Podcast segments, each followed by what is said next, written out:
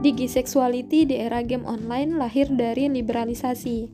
Kasus kejahatan seksual dalam game online kembali menjadi sorotan. Kali ini korbannya adalah anak-anak perempuan yang sering bermain Free Fire. Mereka adalah 11 anak perempuan berusia 9-11 tahun, tersebar di Sumatera, Jawa, Kalimantan, Sulawesi, hingga Papua. Pelakunya adalah laki-laki berusia 21 tahun. Modus yang ia pakai berawal dari bermain Free Fire bersama korban.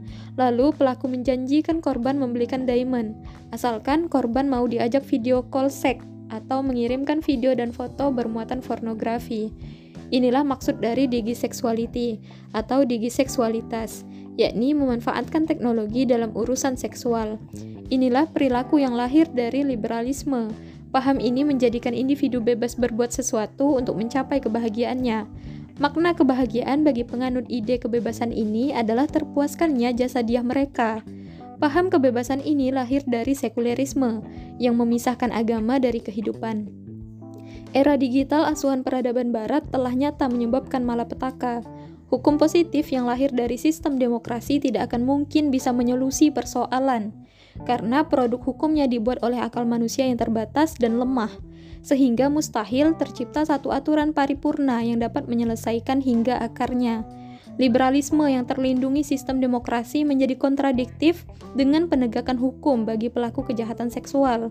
Sistem ekonomi kapitalisme yang mengejar profit semata menjadikan pelaku bisnis tidak melirik agama bisnis syahwat yang mereka alirkan keuntungan akan terus mereka pertahankan.